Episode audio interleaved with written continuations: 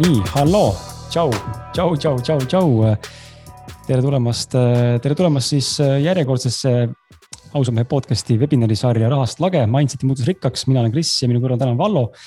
ja kohe saab Vallo ka sõna, aga eh, käime kiirelt üle põhireeglid, mängureeglid tänasel eh, loto kolmapäeval, et sul on see chati aken, võta see lahti, sinna saad kirjutada küsimusi, mis sul siin jooksvalt tekkida võivad ja ma püüan siis neid küsimusi siin jooksvalt chatis ka vaadata, nii et anna ka tuld, anna ka palun teada meile, kas äh, heli, pilt, kõik asjad töötavad, kuuled, näed, pane lihtsalt jah, jah, jah või ei, ei, ei.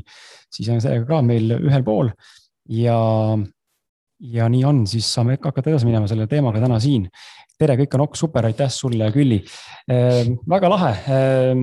esmalt täname meie koostööpartnerid ja sponsoreid, meil on olemas Photopointi kaamera, mis äh, sina küll ei näe, aga sa näed seda paremat ja, ja ilusamat pilti siis pärast juba äh, järelevaatamisest, nii et aitäh Photopoint Eesti, kes meile kaamera andis ja kogu varustuse meile andis äh,.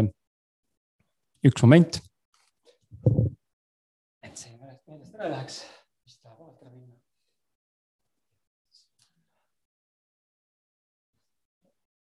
et äh, jaa, mikrofon jäi sisse lülitamata, et nii lihtsalt on, ise oled siin äh, üksinda saja miljoni äh, töö peale üles ehitanud, siis paraku lihtsalt lähevad asjad meelest ära, aga aitäh, Photopoint ja samuti ka Vitamin Well Eesti, aitäh sulle, et sa varustad meid täna siis veega ja Vallo, sulle on tegelikult ka Vitamin Well poolt välja pandud väike maitse mõnusate mekkidega veekotikene, nii et on väga head mekkida.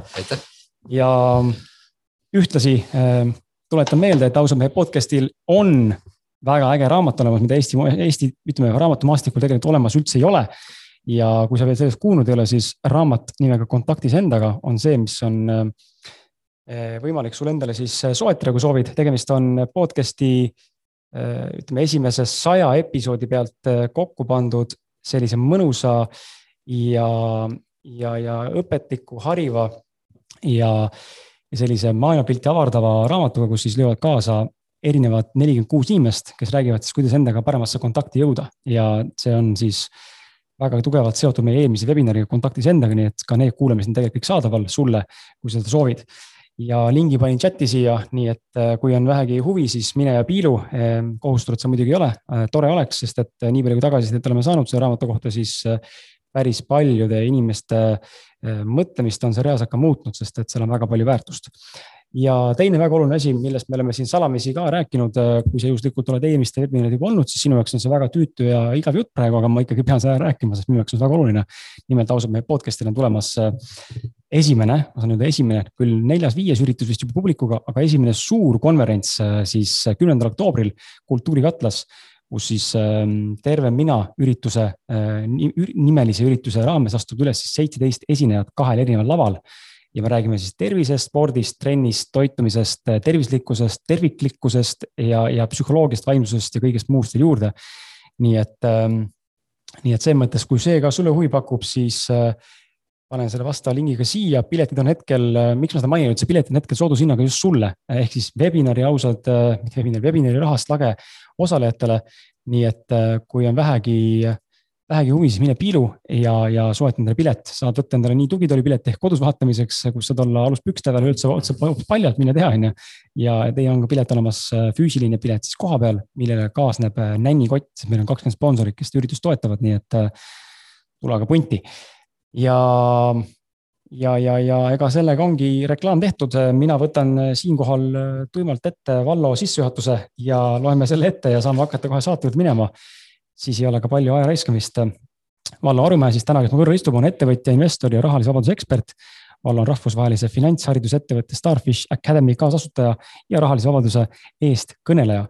tema missioon on aidata ettevõtlikel inimestel saavutada ajaline ja rahaline vabadus läbi äri ja investeerimise, elades samaaegselt harmoonilist elu Starfish Academy on loonud praktilise keskkonna ja kogukonna nimega Sisering, mis on keskendunud eelkõige rahatarkuse elluviimisele reaalsesse ellu ning üksteise toetamisele teekonnal jõukuse ja vabaduseni. ja siis tänasel käesoleval webinaril räägime Valloga rahatarkusest, kapitali kasvust, rahavoost, varadest ja kohustustest, võlgadest, investeerimisest, mõtteviisist ja rahalisest sõltumatusest.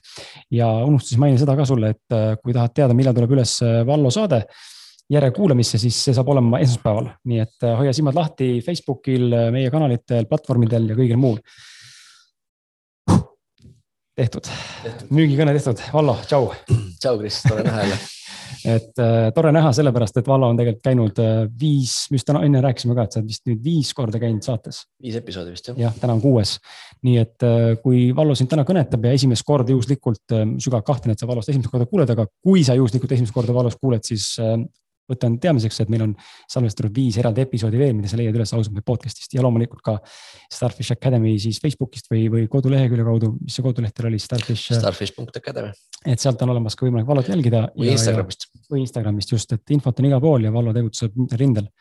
nii et äh, väga lahe äh,, lähme kohe siis jutu juurde, mina püüan samal ajal siin äh, inimesi ruumi vastu võtta, anna andeks mulle hea kuulaja-vaataja, kui ma vahepeal olen uimane ja kaon kuidagi ära Äh, täna on äh, haldamine kümnel rindel, siis äh, Vallo, räägi meile, lähme klassikalise küsimuse juurde, sellise kõige põnevama teema juurde ka mingil määral, et meil on ju selge see, et lapsepõlv mõjutab meid, on ju? vähemal või rohkemal määral küsimus sulle on siis see, et räägi, milline on olnud sinu upbringing või nagu üles, üles nagu toomine ja just nagu läbi rahalise vaate, kas sa oled pigem olnud nagu vaesest perekonnast, rikkast perekonnast, oled sündinud kuldusükas suus või, või kandikul on äh, nii-öelda keetmata makaronid. et kuidas see nagu olnud, see ülestulek on olnud ja, ja mismoodi see on sind tegelikult mõjutanud? jah, aitäh selle küsimuse eest ja aitäh kõigile kuulajatele, kes siia täna õhtul ka tulid, et äh, ma kasvasin üles tegelikult sellisel sügaval nõukaajal, kus siis tegelikult äh, äh, oligi elu sellises äh, defitsiidi keskkonnas. ja, ja nii palju, kui mina mäletan, siis mul oli vähemalt sihuke tunne, et kõigil oli nii-öelda seda raha nappuses. et äh, mäletan neid aegu, kus äh, nii-öelda olid mingid toiduained, mida ei olnud alati saada, nagu ma ei tea, mingi banaan või sink või, või, või suitsuvorst ja, ja kus olid mingid riiete ja ma ei tea, mingisuguste tossude nagu järjekorrad kaubamajas, kus inimesed jooksid tormi, et selles mõttes selline, selline sügav nõukaaeg ähm, vähemalt mulle tundus, et, et keegi väga jõukas ei olnud, aga niimoodi tagantjärgi vaadates ma arvan, et ikkagi mõned olid, et kellel oli siis juurdepääs või kellel olid kontaktid ja sidemed, et siis mõned elasid nagu jõukamalt, aga. aga mina tulen sellisest täiesti tavalisest äh, perest, ma olen Tallinnas sündinud, kasvanud äh,, mu ema töötas äh, äh meditsiinisektoris Äh, äh, pikka aega siis äh, nii-öelda sünnitusmajas ja Mustamäe haiglas ja, ja sellise täiesti, ma arvan, sellise keskmise või isegi veidi alla keskmise sissetulekuga. ma arvan, rublades võib mingi sada rubla umbes kuus ja, ja kuna ema mind peamiselt kasvatas ja, ja isa siis nii-öelda toetas ka veidikene omalt poolt.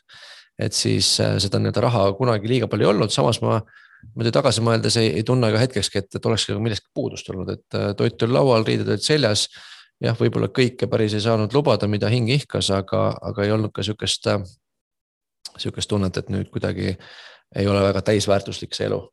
et, et, et kindlasti võib-olla üks mõtteviis, mis kaasa tuli, oli see, et, et ikkagi noh, pigem tasub ikkagi nagu säästlikult hakkama saada ja kuna seda raha ikkagi liiga palju ei ole, et siis tuleb nagu mõistlikult kulutada.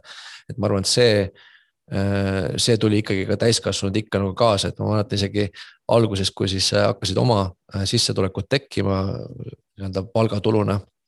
siis kogu aeg oli ikkagi see tunne, et okei okay,, et ma igaks juhuks praegult ei kuluta ära, et, et äkki mul nagu ei ole piisavalt. et ma arvan, et see mõte tuli kaasa ja ma arvan, see võttis päris äh, ikkagi tükk aega aega, et, et, et kui seda nii-öelda vaba raha tegelikult oli juba järjest rohkem ja rohkem, siis kogu aeg oli ikkagi see tunne, et, et no, äkki ei ole piisavalt, et äkki ma ikkagi ei kuluta seda raha ära. et selline nagu säästmise hoiak tuli sealt kaasa. ja, ja, ja see tegelikult oli päris niisugune väljakutse, et ühel hetkel lihtsalt nagu lahti lasta ja seda mõtteviisi ikkagi muuta, et, et okei okay,, et, raha peab ikkagi liikuma, mida ma tast nagu kinni hoian. ja sealt kuidagi läks nagu see tee lahti.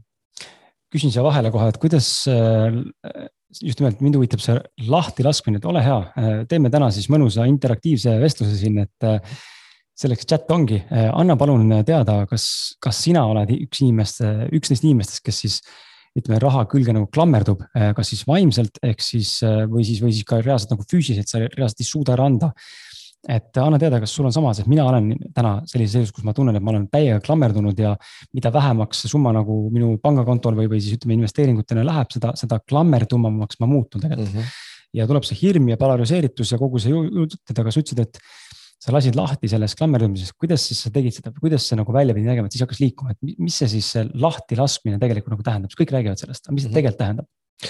no ma arvan, et seesama julgus proovida, et see, eks see tuli ikkagi selle mm, sellise nagu teadlikkuse kasvamisega, et kui ma ikkagi seda nii-öelda äh, need rahateemasid nagu õppima hakkasin ja, ja sain aru, kuidas siis nii-öelda rahamaailm peaks nagu töötama, siis äh, noh, tekkiski see koht, et okei okay,, et kõige parem viis õppida on nii-öelda proovida. ja, ja juba selle mõtteviisi pealt oli see, et okei okay,, no vaatame, mis siis juhtub, et ma ei tea, ostame selle esimese aktsia või, või ostame esimese kinnisvara ja vaatame, mis nagu juhtub ja siis tegid selle ära, vaatasid, et oo oh,, ei juhtunudki midagi hullu, et see, see hirm on alati põhjendamatu, eks ju, et. et nagu inglise keeles öeldakse, fear tähendab siis false evidence appearing real, eks ju, ehk siis nagu valed tõendid, mis tunduvad, et on tõesed. ja, ja lihtsalt siis läbi nende proovimiste ja loomulikult selle ikkagi selle mõtteviisi muutmise äh, toimus see lahtilaskmine, aga see ei olnud niimoodi, et ma nüüd nii-öelda ühest päevast lasin lahti, see ikkagi võttis, ma arvan, ikka omajagu mitu aastat aega. et, äh, et vahest keegi küsib, kuule, aga noh, sa saad ju endale lubada, siis hakkasin mõtlema, jah, tegelikult saan küll, aga ma millegipärast ei kuluta või ma millegipärast ei astu seda sammu. nii et, äh, et ikkagi selle mõtteviisi muutmise käigus ja, ja võib-olla teadvustades seda, et, et kõige parem viis õppida on ikkagi ise proovida ja, ja reaalses elus neid asju ellu viia.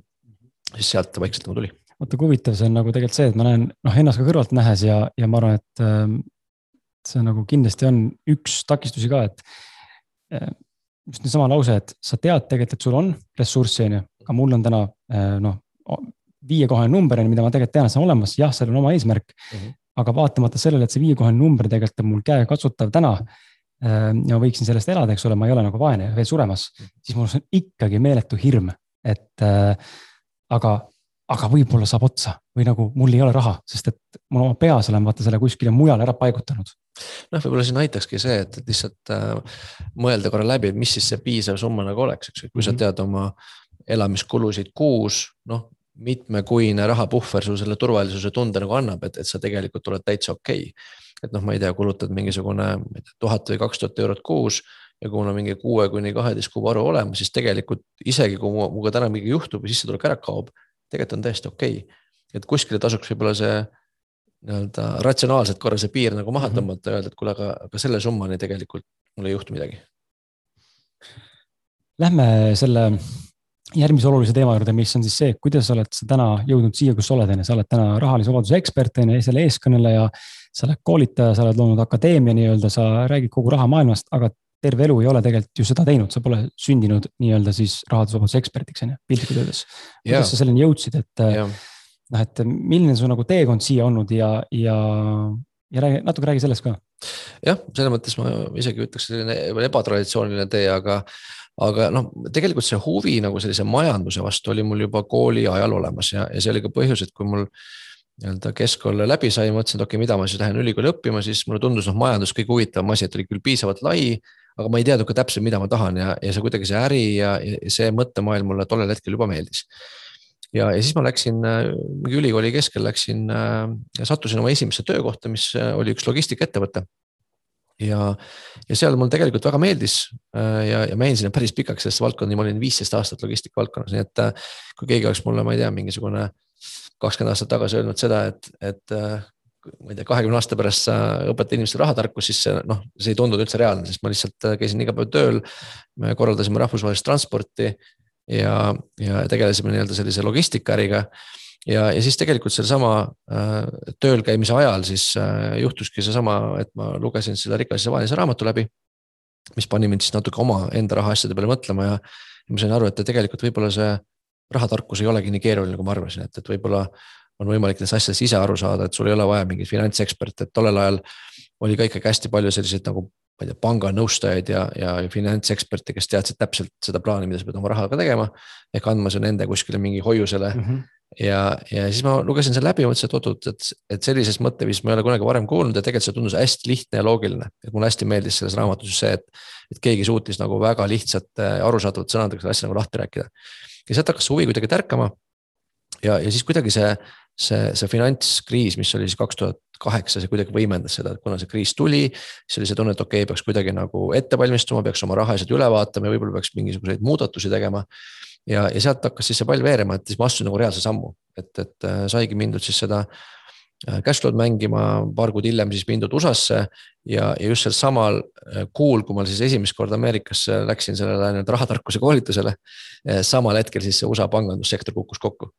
et noh, see oli nagu selles mõttes täpselt sihuke ajastus, et okei okay,, et nagu see on väga õige aeg nüüd seda teemat edasi õppida, sest ma ei taha et see kuidagi mind isiklikult mõjutaks. Ja, ja sealt kuidagi see huvi nagu tärkas ja siis kolm aastat äh, pärast seda ma siis tegin sellise julge sammu, et, et okei okay,, et ma võtan siis oma äh, oma tulevikku enda kätte ja, ja kaks tuhat kümme kevadel siis loobusin palgatööst ja, ja mõtlesin, et et kuidas siis nüüd seda sammu nagu ellu viia, nii et selline kolmeaastane tsükkel läks siis selle, selle tegevuse peale, et see rahaline sõltumatus endale tekitada.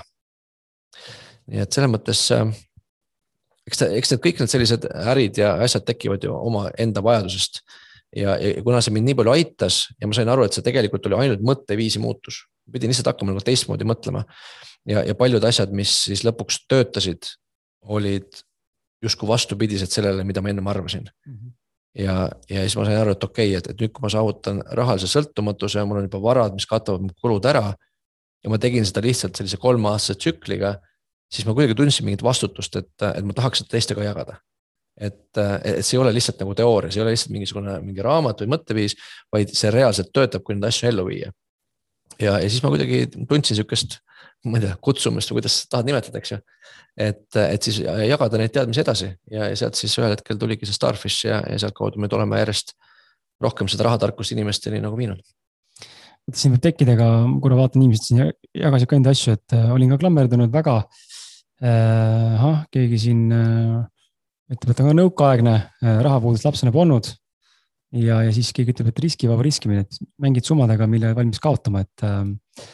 see on hästi huvitav, et, keegi ütles, et nõukaajal seda nappust ei olnud, et, et, et me näeme maailma alati sellisena, nagu meie oleme. et, et, et kui, kui sinu maailmas eksisteerib see nappus, siis sa arvad seda, et kõigil on nappus.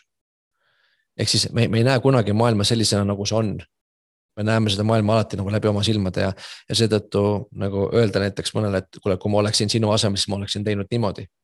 on tegelikult äh, selline mõte, mis ei anna mitte mingisugust väärtust, sest ma mitte kunagi ei suuda panna ennast sinu kingadesse, sest minu keskkond on olnud teine, minu teekond on olnud teine. ja, ja, ja see on ka põhjus, miks äh, ma kunagi ei ole andnud inimestele nii-öelda finantsiaalseid soovitusi et, et, et, et kui see kala, mis ma sulle annan, ei pruugi, ei pruugi olla see kala, mida sa sööd või mis sulle sobib. et mida ma saan teha, on see, et, et aidata inimestel nii-öelda seda kala püüda. ja, aga igaüks peab selle oma kala püüdma omal moel välja ja, ja see, mis, mis viis on, seda peab igaüks ise nagu välja nuputama.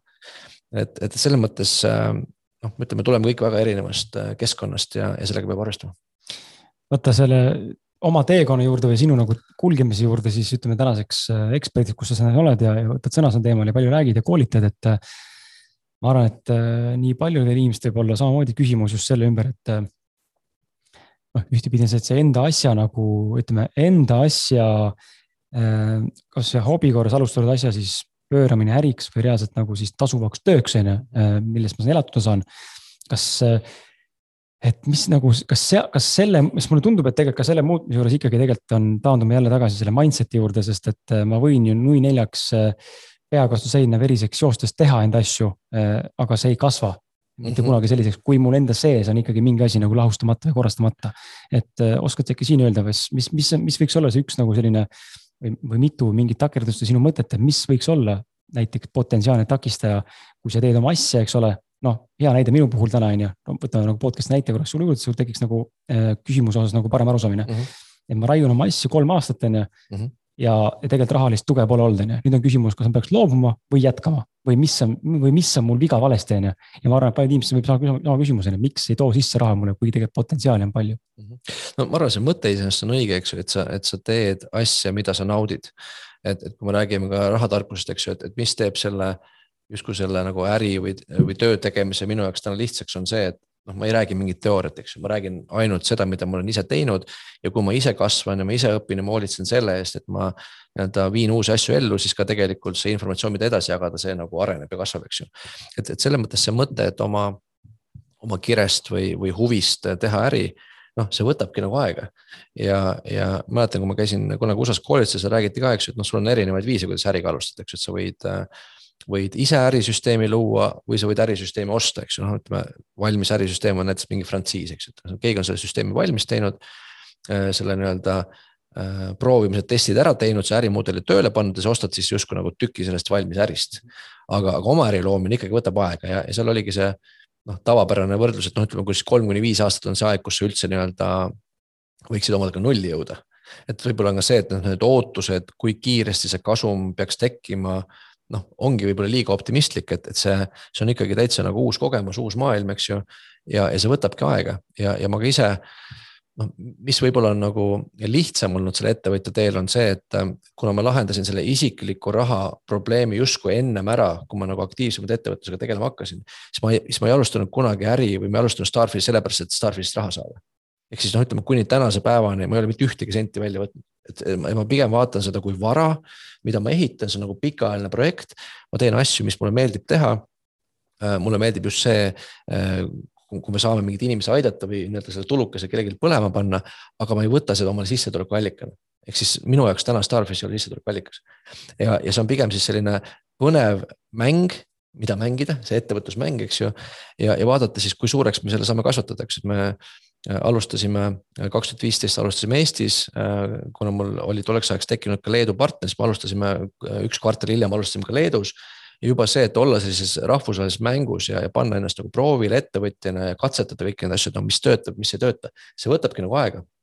ja, ja, ja seda, et nüüd oodata siin võib-olla esimese, ma ei tea, kolme-nelja-viie aasta jooksul nagu mingit suurt kasumit, noh, see ongi võib-olla natuke liiga optimistlik plaan, nii et. et ma võtan ikkagi seda ettevõtlust sellise nagu mänguna, ma, kuna see mind mulle endale nii-öelda huvi pakub ja paelub, siis ma usun, et ühel hetkel ka see, see, see vara võiks ka majanduslikult kasulik saada, aga ma ei ole nagu sõltuvuses selles, mul ei ole seda vajadust sealt seda raha täna saada. aga, aga ma pigem vaatan seda pikaajalist nagu vara loomise projekti.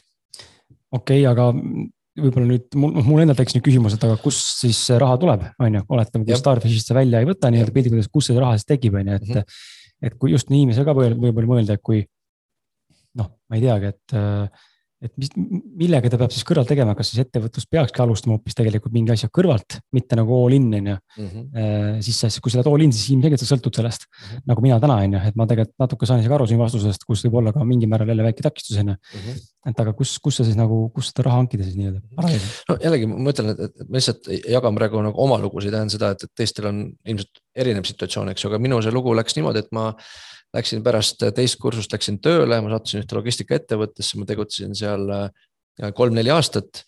ja, ja siis äh, ühel hetkel, kui ma olin siis selles oma valdkonnas nagu nii-öelda spetsialist, tollel hetkel, mis korraldasime rahvusvahelist lennutransporti, tollel hetkel oli Eestis kaks ettevõtet, kes seda tegid.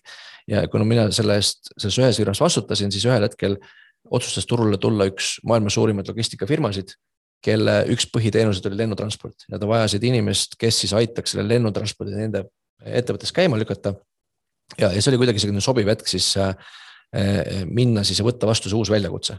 ehk siis mind palgati põhimõtteliselt äh, ettevõttesse enne seda, kui see ettevõte oli asutatud. ehk siis lihtsalt nii-öelda kui kogenud inimesena, et, et aidata see asi käima lükata. ja see oli, see oli üheksakümne kaheksanda aasta äh, septembrikuus ja, ja kuna ma olin selle valdkonnaga kolm-neli aastat tegelesin, ma hakkasin põhimõtteliselt nullist pihta, ma läksin, ma olin esimene töötaja, ma olin samal ajal tegevjuht ja samal ajal tegin kõiki rolle, nii nagu natuke praegu sina teed, eks ju.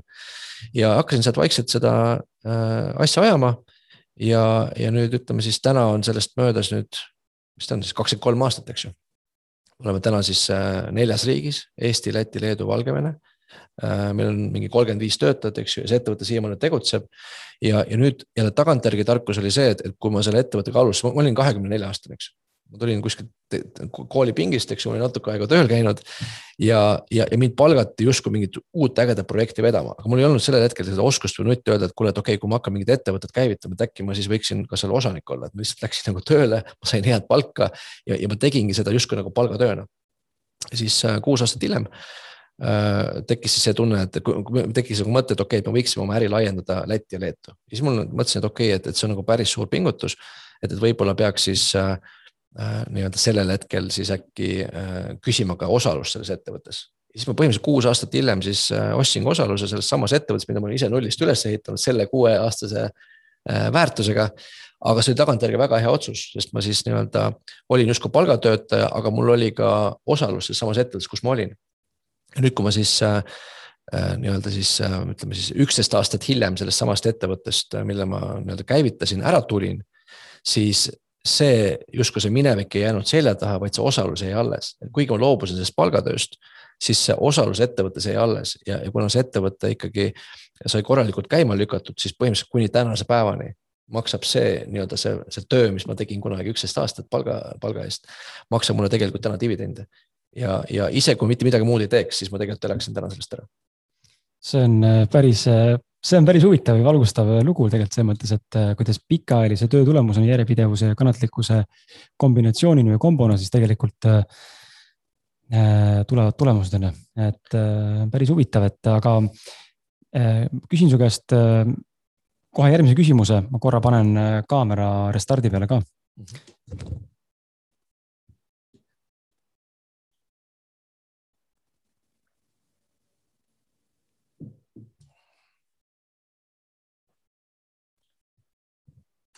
ja need on need äh, tehnoloogia võlud, et äh, kakskümmend üheksa minutit on lagi, mis saad järjest filmida, on ju, et siis peab panema uuesti kinni käima. aga okei okay,, aga räägime rahatarkusest, et ähm, lähme siia nüüd sellesse nagu spetsiifilisemasse valdkonda sisse, et räägime rahatarkusest, mis asi see on, mida see tähendab, millest see väljendub ja kuidas saada rahatargaks ja miks ma peaksin tahtma saada rahatargaks mm? -hmm. ma arvan, see miks ongi kõige tähtsam küsimus ja ma usun ka seda, et igaühe miks on täiesti erinev. et äh, noh mina ikkagi näen, et raha on vahend millegi saavutamiseks, kui ma tean seda, mida ma oma tulevikus tahan, mis on see elustiil või mis on see unistus, siis okei okay,, millist rolli see raha seal mängib. ja kui mul on nii-öelda suured unistused, siis mul on vaja ka selleks rohkem raha ja, ja mul on vaja siis nii-öelda seda, ka seda vahendit. nüüd, mis asi on rahatarkus? ma ütleks, et rahatarkus on nagu keeleoskus. see on nagu raha keeleoskus, eks ju, nii nagu me õpime inglise keelt või, või vene keelt või mis iganes keelt siis rahakeel on täiesti erinev keel. ehk siis ma võin rääkida kellegagi eesti keeles, aga me ei saa üksteisest mitte midagi aru, sest üks räägib ühes keeles, eks see on nagu sama nagu eesti keel ja hiina keel, kuigi me oleme mõlemad eestlased. et seal on nagu nii palju sihukest sõnavara, äh, millest on vaja aru saada ja, ja lõpuks, kui sa saad sõnade tähendusest aru, siis need, siis need, need sõnad hakkavad sind nagu juhtima ja need aitavad sul teha äh, nii-öelda õigeid otsuseid, et vahest äh, noh, ma ei tea, mõni inimene küsib, et kuule, et kas see on mu vara või kohustus, ma lähen alati tagasi selle selle sõna tähenduse juurde, mis asi on vara, mis asi on kohustus ja sealt tuleb alati see vastus. ja, ja nagu ma ütlesin, et siis nagu nii mõnigi õppetund oli nagu vastupidine sellele, kuidas, kuidas ma varasemalt arvasin, et, et kui, kui ma nimetan nagu õiget asja vale nimega, siis ma teen ka vale otsuse. või noh, ma ei tea, klassika näide on see, et okei okay,, et ma investeerisin oma kodusse. ma investeerin oma lastesse no see ei ole tegelikult investeering, kui ma, kui ma saan aru, mida tähendab investeering, siis see ei too mulle raha sisse, see on puhas kulu, aga kui ma nimetan seda investeeringuks, siis see kuidagi annab mulle nagu selle põhjuse, et see on õige otsus. aga tegelikult see viib mind kaugemale sellest, kuhu ma tahan liikuda. ehk siis nagu nende sõnade tähendust arusaamine on nagu see võti ja, ja ma arvan, et, et, et sellised nagu baaskirjaoskuse omandamine on see, mis aitas tegelikult seda muutust äh, kiiremini teha. et seetõttu me ka siin Starfishis äh, hästi palju paneme rõhku selle, et mida, mida viski tähendab, eks ju, mis asi on vara, mis on kohustus, mis asi on äh, hea, hea võlg, mis asi on halb võlg, eks ju. et, et kui sa nendest aru saad ja hakkad seda enda kasuks nagu tööle panema, siis see pilt totaalselt muutub. nii et, et selles mõttes ähm, noh, jah, et kõigepealt on see sõnavara, eks ju, aga teine on siis see, et tuleb hakata ise tegutsema, et et kindlasti see muutus tuleb siis nii-öelda õppimine pluss tegutsemine koos. et, et vahest on niimoodi, et inimesed õpivad, aga mitte midagi ei tee ja tulemust ei tule, eks ju. ja mõned tegutsevad, aga nad pole õppinud ja liiguvad vales suunas. nii et, et see on ikkagi selline äh, võib-olla kombinatsioon siis ja, ja mis mind ennast hästi palju aitas, oli see, et, ma leidsin endale, äh, ma leidsin endale põhimõtteliselt mentori, keda ma usaldasin. et, et sageli vaata just alustajate puhul on nagu see, ütleme nii, me oleme alati elus iseenda kõige suurem takistus ja, ja see takistus ongi see meie enda nagu mõtteviis ja sageli on see, et isegi kui ma olen alustaja ja, ja mul on inimene, kes on äh, jõudnud sinna, kuhu ma tahan jõuda. siis ma arvan seda, et okei okay,, ma võtan selle tüki, mis ta tegi, aga ma seda tükki ei võta, sest ma arvan, et seda tükki ma tean paremini ehk siis sa, sa ei võta nagu sada protsenti informatsioonist, vaid sa võtad mingisuguse viiskümmend protsenti, aga sa jätad selle viiskümmend protsenti võtmata ja sa ei saa aru seda, kui oluline see tükk oli, mida sa just välja jätsid. ja, ja, ja, ja mis, mis võib-olla aitas, oli see, et et kui ma lugesin selle Rikas ja vaenlase raamatu läbi ja ma käisin ka reaalselt seal nii-öelda siis USA-s seal Robert Kiyosaki koolitusel. ja, ja nägin ka siis seda meeskonda, kes ta ümber olid, need nii-öelda advisor'id erinevates siis varaklassides. siis mul kuidagi tekkis kohe usaldus selle seltskonna vastu ja, ja ma. mis mind kindlasti aitas, oli see, et ma ei kahelnud selles, kas nüüd see, mis nad räägivad, on tõsi kas seal on mingisugune agenda taga või see tegelikult ongi nii ja ma võtsin seda, kui, et see ongi nii ja see aitas mul nagu palju kiiremini asjad ellu viia, sest kui ma oleks ise hakanud nagu kahtlustama või küsima mingisuguseid asju, miks nad seda räägivad, siis see oleks meid ennast aeglustanud maha. et just sellise nagu mentori või usaldusväärse inimese leidmine, kes on saavutanud seda, mida sina tahad saavutada. ja, ja kuulata ja võtta see üle ja mitte hakata seda mustrit ise nagu muutma. ma arvan, et see oli üks nagu võtmekoht. ma arvan, et see on hea point, et sa selle välja tõid, et äh, meil on nagu kalduvus hakata muutma kellegi teise nagu lugu, noh, see on ju tema teekond, ma teen teistmoodi, aga, aga kui sulle manatakse jah, nagu üks-ühele teekond ette, mis on toonud tulemused, siis kui sa midagi muutma hakkad, siis järelikult ka tulemus võib olla teine, on ju, et sa ei saa enam sama asja, on ju. toon sulle ühe näite just, ma ei tea, tänasest päevast, et me tegime eelmise aasta, mõtlesime, okei okay,, mis on selline teema, mis aitaks kõige rohkem täna inimesi selles majanduskriisi keskkonnas ja me tegime sellise online kursuse nimega praktiline juhend raha kasvatamiseks, mis on põhimõtteliselt selline iseendale maksmise süsteem me tegime nagu puust ja punaseks ette, kuidas luua erinevad kontod, kuidas äh, jagada nii-öelda see sissetulek äh, kohe mingite oma kontode vahel laiali ja hakata siis tegema kulutusi.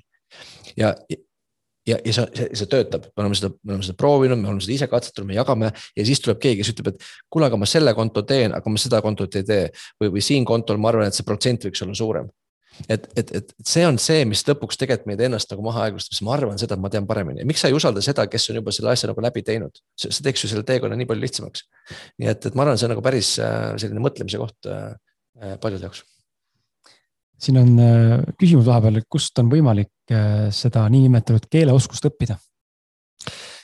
Ehm, ma arvan, et kõige parem viis seda õppida ongi ikkagi nagu praktikutelt, kes seda teevad, et noh, täna on õnneks tekkinud ikkagi Eestis selline Äh, täitsa märkimisväärne, eks ju, kogukond inimesi, kes nüüd rahatarkust äh, õpetavad.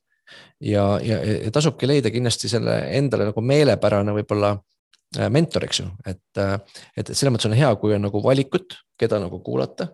sest üks inimene kõnetab ühte, teine kõnetab teist, et sa pead leidma nagu enda suguse inimese, et et, et mis, mis mind ütleme Roberti puhul kõnetas ja mis väga paljusid ka nii-öelda täna meie juurde tõmbab, on see lihtsus ja selgus rääkida keerulistest asjadest lihtsate sõnadega. ma arvan, see on üks oskus, mis on Robertil olemas ja see on üks asi, mis mulle endale väga meeldib ja mida ma ka ise teen. et, et, et, et tarkus ei ole see, kui ma räägin asjadest keeruliselt ja, ja mõnede inimeste jaoks noh, mida keerulisemad sõna, sõnu nad kasutavad, seda nagu targemana nad arvavad, et nad paistavad, aga minu maailmas on täpselt vastupidi. mida lihtsamalt sa räägid väga keerulisest asjast seda suurem väärtus on see nagu kuulajate jaoks, nii et, et, et selles mõttes jah, et Eestis on ikkagi, eks ju erinevaid inimesi, kes sel teemal räägivad, eks ju. ma ei tea, Jaak Roosaare on kirjutanud väga ägedaid raamatuid. Äh, on olemas väga palju väliskirjandust, eks ju, seesama, ma ei tea, Robert Kiyosaki raamatut ma ise kunagi lugesin põhimõtteliselt järjest kõik läbi. ma tahtsin ikkagi sellest mõttemaailmast võimalikult palju aru saada ja kõik eestikeelsed raamatud, mis olid olemas, ma põhimõtteliselt lugesin läbi. ja, ja loomulikult tänapäeval on ju erinevaid, mis iganes podcast'e, et, et leida endale nagu meelepärased mentorid, kelle see stiil ja, ja, ja, ja see, kuhu sa tahad jõuda, nii-öelda sobituvad sinuga. ja, ja hakata siis sealt äh, seda lihtsalt kedagi usaldama. et mitte see, et, et ma võtan nüüd selle tüki siit ja selle tüki sealt, aga, aga võta see mingisugune üks mentor ja, ja, ja proovi nagu aru saada tema kogu mõttemaailmast. ja, ja kui sul see meeldib, siis äh, proovi seda hakata väikeste sammude kaupa ellu viima. räägime räägime korra nagu rahast ka eraldisemalt ja eraldiseisvalt, et äh, selge see, et see tundub olevat natukene müstika on ju ja selline äh, müsteerium ja, ja kohati tegelikult mitte ainult tundu, vaid, vaid vaadates ka võib-olla sellist kvantfüüsika ja metafüüsika nagu käsitlust, siis äh, tundub, et tegelikult ähm, seal noh, seal on ka taga midagi muud veel peale selle, et ta lihtsalt on paberine või, või on digitaalne number on ju, et kuidas sina nagu raha mõtestad ja kuidas sa mõistad seda raha kui olemust äh, ja, ja millise tähenduse oled sina sellele andnud ja mida oskad siis praegustele vaatajatele, kuulajatele nagu soovitada, et äh, kuidas selle, seda raha nagu paremini mõista mm? -hmm. mis ta on mhm. või kas ta üldse on? jah, ma vist ühes selles sinu saates ka mainisin, et, et noh, et raha on eelkõige energia, eks ju. ja, ja, ja minu jaoks on see raha on ikkagi, ta on nagu lihtsalt vahend, millega me saame väärtust omavahel vahetada et noh, loomulikult me saaksime seda väärtust ka niisamuti vahetada, eks ju, kui, kui sul on midagi, mida mina tahan ja, ja, ja vastupidi, siis me võime, me ei pea üldse rahaks seda teisendama. aga ta on ikkagi nagu selline vahend, millega me saame siis luua endale meelepärast tulevikku. nüüd seda raha ei tasu ka selles mõttes nagu üle tähtsustada, et, et, et tähtsam on see, mis see meelepärane tulevik on. mis see, mis see ideaalne tulevikupilt on ja, ja, ja kui nii-öelda, ma ei tea, jõukas või luksuslik see elustiil on. ja see on ka see, kui palju mul on raha vaja, et siis selle eesmärgini jõuda. nii et ähm, et noh, ma arvan, et on ikkagi lisaks veel sellele ka selline vahend, mis aitab mul saada tagasi kontrolli. et, et üks mõte, mis mul kunagi hästi kõnetas ja, ja, ja pani nagu tõsiselt oma kõikide tegemiste peale mõtlema, oli just see aja ja raha võrdlus. et, et kui sa mõtled seda, et, et aeg on meil piiratud ressurss, eks ju. meil saab see kõigil kunagi otsa, me praegu mõlemad investeerime poolteist tundi oma elust, et siin olla, rääkida inimestega ja me ei saa seda mitte kunagi tagasi, sellel on nagu väga suur väärtus, eks ju. nüüd raha on vastupidi täiesti piiramatu ressurss. seda trükitakse nagu trükimasinas nagu meeletus koguses juurde. ja nüüd, kui ma vahetan oma aega, ma teen asju nagu raha pärast, ma vahetan oma aega raha vastu, ma teen ühe tunni tööd, ma saan ühe tunni tasu siis ma müün justkui aega suhtes üks-ühele. ma müün oma piiratud ressurssi, mis on aeg, täiesti piiramatu ressursi vastu, mis on valuuta, mida trükitakse trükimasinast juurde ja kui ma teen seda suhtes üks-ühele, siis kui paljud teist arvavad, et see on hea tehing? ja, ja nüüd, kui sa saad nagu sellest aru, et, et ma kogu aeg vahetan oma piiratud ressurssi mingisuguse paberi vastu, siis ühel hetkel mõtled, okei okay,, aga kuidas ma saaksin müüa seda mitte üks-ühele, vaid üks-kümnele või kuidas ma saan müüa seda näiteks üks-sajale. sest kui ma teen seda üks-ühele, et see, mida ma teen, on see, mida ma saan, siis see on nagu väga halb tehing. Aga kogu ühiskond, ütleme, ma ei tea, üheksakümmend protsenti inimesi käivad iga päev tööl ja müüvad oma tunde valuuta vastu, mida kellelgi on õigus lasta lõpp, lõpmatus koguses trükimasinast välja. et, et see, see pani kuidagi nagu mõtlema, et see, see raha ühel hetkel muutus ka minu jaoks selliseks nagu vahendiks, millega saada see kontroll oma aja üle tagasi et, et kui ma ei pea minema tööle sellepärast, et raha saada, vaid ma õpin seda raha targemalt kasutada, kasutama niimoodi, et see raha iseendast tööle saata, siis ma saan kontrolli oma iseenda aja üle tagasi ja ma saan otsustada, mida ma selle ajaga teen, mis ma vabaks tegin. ja, ja sellest hetkest, kui ma selle kontrolli tagasi sain, mis oligi see hetk, kus see nii-öelda rahaline sõltumatus tekkis. ehk siis, et ma, ehk siis selle kolme aasta jooksul ma suutsin tekitada äh, sellise olukorra, et need varad katsid mu igakuised kulud ära ja ühel hetkel ma sain tagasi kogu see nelikümmend tundi nädalas, mis ma varem panin palgatööl käimisele. ja nüüd mul tekkis võimalus otsustada, okei okay,, kuidas ma seda nelikümmend tundi kasutan. Mis on need meelepärased tegevused, mis mulle meeldivad ja, ja kuidas ma tahan ennast teostada elus ja sealt tekkis siis see, okei okay,, ma tahan tegeleda selle teemaga, see rahatarkus on mind aidanud, ma tahan teisi aidata, ma tahaks ehitada selle ümber mingisuguse äri. ma tahaks suhelda teiste samasuguste inimestega ja, ja see, mida see nii-öelda see rahatarkuse õpetamine ka andis, oli see, et ma nägin, et kui ma seda teemat rääkisin, siis see tõmbas mu ellu inimesi, kes olid keskmisest ettevõtlikumad, kes tahtsid neid muutusi saavutada ja mul oli nendega lihtsalt huvitavam aega veeta. Et see, et see võib-olla algabki sellisest isekast soovist leida iseenda ümber ägedamaid inimesi. ja siis ühel hetkel mõtled, kuule, aga aga, aga miks mitte siis aidata nagu veel suuremat hulka inimesi, aga selleks, et seda teha, mul on vaja luua mingisugune nii-öelda äri, mingi juriidiline keskkond ja mõelda, kuidas ma saan seda mängu veel suuremaks teha, et see muutub ka ühel hetkel sihukeseks nagu mänguks. aga, aga just see, et, et, et see oli nagu minu jaoks vahend, kuidas võita tagasi iseenda aeg, mida ma olin väga odava kursiga vabatahtlikult ära müünud. Sellest ettevõtlusest või ärist kui mänguna mõtlemine või mänguna võtmine, see, see mõte praegu nagu minuga resoneerub ja, ja paneb mind mõtlema hästi tugevalt selle peale, et kui ma suudan seda päriselt võtta kui mänguna, noh, just seesama näide, et, et okei okay,, sissetulekut te, võiks tekkida mujalt, on ju, ma saaks vabalt äh, rahulikult teha oma hobi a la koolitusettevõte või mingi muu asi või mul on podcast või mis iganes muu siis tegelikult pole seal ka seda stressi ega pinget ja ma pean ilmtingimata seal teenima kohe miljoneid, sest et see läheb jooksvalt stabiilselt vastavalt sellele, kus läheb, vahel võib-olla lähebki vähemaks, vahel tuleb juurde, vahel kaotab, vahel võidad mm. -hmm. aga mul kaob ära see noh, attachment ehk siis klammerdumine. täpselt, et kui sul on see otsene seos sinu selle äritegevuse ja raha saamise vahel, siis sa ei hakka tegema neid otsuseid, mis võib-olla oleks õiged, sa teed neid otsuseid, mis toovad sulle rohkem raha sisse. eks sa, eks see hakkab sind tõmbama tegelikult vales suunas. et, et ma, nüüd on jällegi see, kuidas keegi sellesse olukorda jõuab, on võib-olla erinev, eks ju, et noh, minu nagu õnn oli see, et selleks hetkeks, kui ma sellega nagu aktiivselt alustasin, ma olin nagu selle raha teema kus justkui ära lahendanud ja ma sain minna nagu puhtalt lehelt ja öelda seda, et fine, isegi kui ma mingi järgmised viis aastat ei teeni mitte midagi, see on minu jaoks täiesti okei okay., ma teen asja, mis mulle meeldib ma teen asja, mida ma naudin ja, ja kui sealt lõpuks mingisugune raha tekib, siis on see ka väga tore. et, et ma sain selles mõttes nagu kergusega minna seda tegema ja, ja, ja ühel hetkel ta ongi selles mõttes selline nagu mänguline, eks ju. aga kui sa lähed seda tegema sellepärast, okei okay,, ma tulin nüüd palgatöölt ära, ma teen oma äri, mul on vaja hakata sealt kiiresti sissetulekut saama, sest muidu ma ei tule oma elamiskuludega välja. siis see paneb nagu meeletu pinge peale ja sa hakkad tegema võib-olla otsuseid, mis on suunatud sellele, kuidas seda kasumit saada, mitte see, kuidas ma oma klientidele saaksin veel rohkem väärtust luua mm. -hmm aga okei okay,, aga ma siis äh, niimoodi heas mõttes provokatiivselt äh, toome siis selle näite, et kui sa oled, äh, oletame, suur ettevõtte omanik, kelle sissetulek ongi tema äri, on ju, nii-öelda, siis kuidas seal äh, ei ole siis vales otsuseid või, või on ikkagi seal samad, samad süsteemid ja mustrid mängus lihtsalt äh, siis sa oled õppinud seda mängu rohkem nagu tundma, kompima või, või mis, mis vahe nagu seal siis on? no vaata, ma ei tea, sõltub, mis, mis see inimene enne tegi, kui ta suure ettevõtjaks sai mm. -hmm.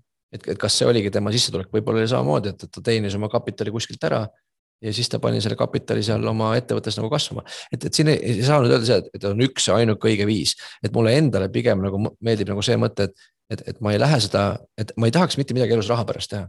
ma tahaks seda teha sellepärast, et see on kellegi jaoks kasulik, väärtuslik ja ma usaldan universumit, ma usaldan seda protsessi, et kui ma teen head asja, siis see raha, mis mulle antakse, ongi justkui nagu tõend selle väärtuse loomise eest mm. -hmm. et, et, et ma saaksin nagu selles mõttes nagu nii-öelda puhtalt lehelt kergusega seda asja nagu teha ja, ja nüüd, kuidas keegi oma olukorras sinna jõuab, ongi nagu ma ütlesin, igalühel täiesti individuaalne, et see ei ole see, et kuulge, tehke nii, nagu mina tegin, no te ei saa, te ei saa täpselt sama rada käia, eks ju. et, äh, et loomulikult ma arvan, et on ka väga palju inimesi, kes teevad asju raha pärast ja, ja, ja võib-olla ka mingil moel kukub see välja, et see ei tähenda seda, et see on nagu välistatud. aga lihtsalt mulle endale resoneerub pigem nagu see mõtteviis tuleme korra nagu paar küsimust äh, tagasi või noh, uue küsimusega paari äh, Eh, paar küsimust tagasi selle küsimuse juurde, millest me rääkisime ka, kus siis fookus just nagu tahaks teada saada, et äh, rahamustrid ja, ja uskumused ja müüdid, dogmad, mis inimestel on või, või sul endal näiteks on olnud või, või on äkki tänaseni midagi, et millised on nagu sellised suurimad müüdid, mida sa tead, mida raha kohta kogu aeg igalt poolt kuskilt nagu sagedamalt kuuled, eks ole, on ju. ja, ja kuidas neid vanu uskumusi murdma hakata või siis nii-öelda saja kaheksakümne kraadiseid pöördeid teha, et see enam ei oleks sind piirav uskumus, vaid vastupidi, toetav uskumus mm. -hmm. toon nagu siia kohta näite, mul eile, ma ei tea, kas andke palun chat'is teada äh,. Äh, jah, et äh, arutelu aja ja raha suhte üle oli väga huvitav, et äh, aitäh sulle äh,, Merle. et äh, andke chat'is palun teada, kes eile kuulas äh, Ranno Sootla äh, pokkeri siis mängija webinari, et pange siia mulle jah, jah, jah või ei, ei.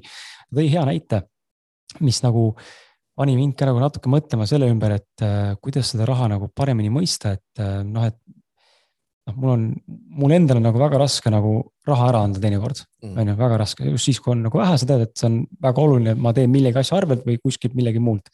siis ta tõi nagu hea näite, et äh, tema jaoks nagu raha on selles mõttes nagu hea sõber, et äh, hea sõber mõnikord läheb ära, aga ta teab, et tuleb tagasi. Mm. ja rahaga on nagu sama, et tal ei ole seda klammerdumist, vaid ta teab, et kui ta annab midagi välja, ostab kellelegi või kingib selle rahasumma eest midagi või, või annab selle toidupoes ja kui iganes, siis ta väärtustab raha sel hetkel, kui see raha nagu ära läheb, sest et see raha võimaldas talle seda asja või seda kingitust või seda emotsiooni et ta hakkas, hakkas nagu sedapidi raha nagu vaatama ja mina sain nagu siis tänu sellele aru, et okei okay,, ma ei väärtusta üldse tegelikult raha sellises kontekstis. et ma pigem on, kogu aeg on nagu see hirm ja sihuke klammerdumine ja minu piirav uskumus ongi see, et noh, raha läheb ära, vaata, on ju. Ehm, kuna see on minu tänane kogemus, on ju, mis ei pea olema elu lõpuni selline, aga täna ta on aktuaalne. et äh, räägi natuke müütidest, mis sa oskad, oled siin nagu tähele pannud ja, ja kuidas neid nagu muuta, et mida on vaja tegelikult selleks, et mingit asja üldse muuta enda juures? enne kui ma võib-olla ütlen, mis need paar võib-olla uskumust on, mis ma näen, aga sinu, sinu lause juurde tulles on see mõte, et, et jällegi, et kõik hakkab uskumusest pihta. Kui ma midagi usun, siis vastavalt sellele ma ennast tunnen, vastavalt sellele ma käitun ja vastavalt sellele ma saan tulemuse. üks väga selge uskumus, mis on seda teekonda kiirendanud, on see, et ma pean alati esimesena andma selleks, et saada. ehk siis, kui ma tahan saada raha siis kõige parem viis raha saada on kõige esimesena ise raha anda ja usaldada seda, et see protsess niimoodi töötab. et see ongi nagu selles mõttes sellise nagu elu usaldamine või ma ei tea, universumi usaldamine, kuidas keegi tahab seda nimetada. aga, aga see on jälle nagu mäng, et äh, see tundub täiesti absurdne, mis mõttes, et ma annan nagu raha ära, siis kust see raha mulle siis tuleb? no totaalne paradoks. sa ei, sa ei saa nagu seda ratsionaalse mõtlemisega mm -hmm. teha. aga ühel hetkel sa mõtled seda, et kuule, aga, aga what if on ju, mis siis, kui see nagu töötab mis siis on, et kui ma nagu annan, annan teistele äh, aega ja raha ja see hakkab mulle tagasi tulema. ehk siis mul on lihtsalt uskumus, et see niimoodi töötab ja see on kuidagi teinud mingid asjad nagu lihtsamaks, et ma saan aru, et ma pean kõigepealt andma. üks näide oli see, et me tegime kunagi äh, kaks tuhat kaheksa äh, tegime Eestis sihukest asja nagu Cashflow klubi. ja ma reaalselt kolm aastat tegin Cashflow klubi tasuta, käisin igal pühapäeval, tegime seda siis seal Moskva kohvikus ja, ja Raekoja platsis tudengimajas, ma läksin iga pühapäev mingisuguse kohvriga, mis oli cashflow mänge täis, jalutasin üle Raekoja platsi, et minna kokku, saada seal mingisuguse kahekümne, kolmekümne inimesega kokku ja mängida cashflow mängu. ma ei saa, ma ei saa mitte ühtegi senti selle tulemusena. mida ma sain, oli see, et, et ma sain selle keskkonna, ma sain tänu sellele nendele asjadele mõelda ja tänu sellele ma sain need muutusi nagu elus teha. ja ma tegin seda kolm aastat järjest täiesti tasuta. nüüd, mis juhtus kolme aasta pärast, oli see, et ma tulin palga, ma sain tulla palgatöölt ära, sest mul mõtteviis oli muutunud, ehk ma andsin kolm aastat aega ja ma sain tagasi aega rohkem, kui mul kunagi elus varem olnud. et, et jällegi, sa võid öelda, et need on kaks erinevat asja, aga, aga ma pigem usun nagu sellistesse seostesse, et ma pean kõigepealt enda poolt panna. ja, ja see, ma arvan, et nii-öelda juhendab ka natuke võib-olla neid otsuseid äh, täna tegema. aga nüüd su küsimus oli see, et mis on need äh, suurimad müüdid, eks ju ähm, no võib-olla isegi paar tükki tuleb praegu meelde, et, et üks selline suur müük, müüt on see, et äh, sul on vaja raha selleks, et alustada. see on nagu väga-väga suur müüt, et äh, meil on ka üks äh, rahatarkuse intensiivkursus, kus meil on äh,, kus me räägime pikalt sellel teemal, et, et sul ei ole vaja raha selleks, et raha teha aga see on nagu uskumus, eks ju, nüüd on see, et mis sul vaja on, sul on vaja teistsuguseid teadmisi. ja, ja see on, kui mul on selline uskumus, et ma ei saa täna alustada, sest mul ei ole piisavalt raha, siis sa oled iseenda piirav uskumus, sest see absoluutselt ei vasta tõele. raha on täna maailmas rohkem kui küll. Äh, et sa ei, inglise keeles on sihuke asi nagu cash flow, eks ju, mis on väga oluline. aga teine asi näiteks oluline, sihuke asi kui deal flow. nüüd sul on hulk inimesi, kellel on väga palju raha, aga tal pole neid tehinguid, kuhu need raha panna nüüd, kui sul ei ole raha, aga sul on tehing, me saame need A pluss B kokku panna ja mõlemad on rahul. Ehk, siis tegelikult, kui sa mõtleksid nagu selle peale, et kui ma suudan seda väärtust luua, kui ma suudan luua, tuua lauale mingid tehingud, mis võiks olla kellegi jaoks kasulik, kuhu nad tahaksid investeerida, siis mul ei ole tegelikult raha vaja. ja me saame seda võitu koos jagada. et äh, noh, et see on üks selline nagu mõttemuster, mis sind piirab, eks ju, ja teine mõte näiteks on see, et noh, me räägime nii-öelda teekonnast võib-olla rahalise vabadusega. noh, ütleme laias laastus koosneb kahest etapist okei okay,, esimene etapp on see, et mul on vaja sissetulekut üldse saada, et ilma sissetulekuteta on seda väga raske teha. aga kui mul sissetulekud on olemas, siis mul on kaks etappi, kõigepealt on kogumine ja teine on investeerimine. nüüd, kuna kogumist hakkab see asi pihta, et ma suudaks üldse hakata raha kõrvale panema, siis üks uskumus on see, ma ei saa täna raha koguda, sest mul on täna liiga madal sissetulek. absoluutselt mitte mingisugust seost reaalsusega ei ole, aga kui ma korrutan seda endale, et, et ma saan ainult kaheksasada eurot kuus ja mul ei ole võimalik säästa ega raha kõrvale panna, siis see on absoluutne müüt. sa saad alustada väga väikeses summas, kas sa, kui sul on kaheksasada eurot kuus sissetulek, kas sa suudad elada ära seitsmesaja viiekümnega? tõenäoliselt suudad, see viiskümmend eurot sind ei mõjuta. ehk siis palju tähtsam on see, et ma loon selle harjumuse, kui see, et ma panen sinna suure summa ja ma saan alustada põhimõtteliselt järgmisest palgapäevast raha kogumisega, kui ma alustan ühest protsendist, mitte ma ei tea, kümnest protsendist, mida kõrvale panna. ehk siis sellised just selle nii-öelda rahapuudusega seotud põhjendused iseendale, miks ma ei saa midagi teha, ma arvan, et ühe kõige suuremad müüdid. jätkame selle pealt siit kohe, panen kaamera uuesti korra käima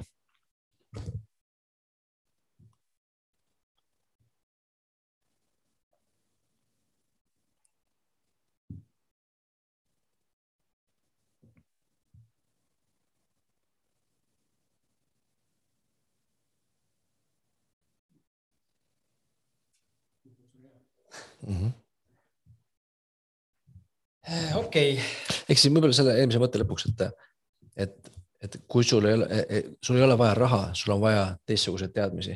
Ja, ja ma ütleks seda, et, et teadmised ongi tegelikult uus raha, eks ju.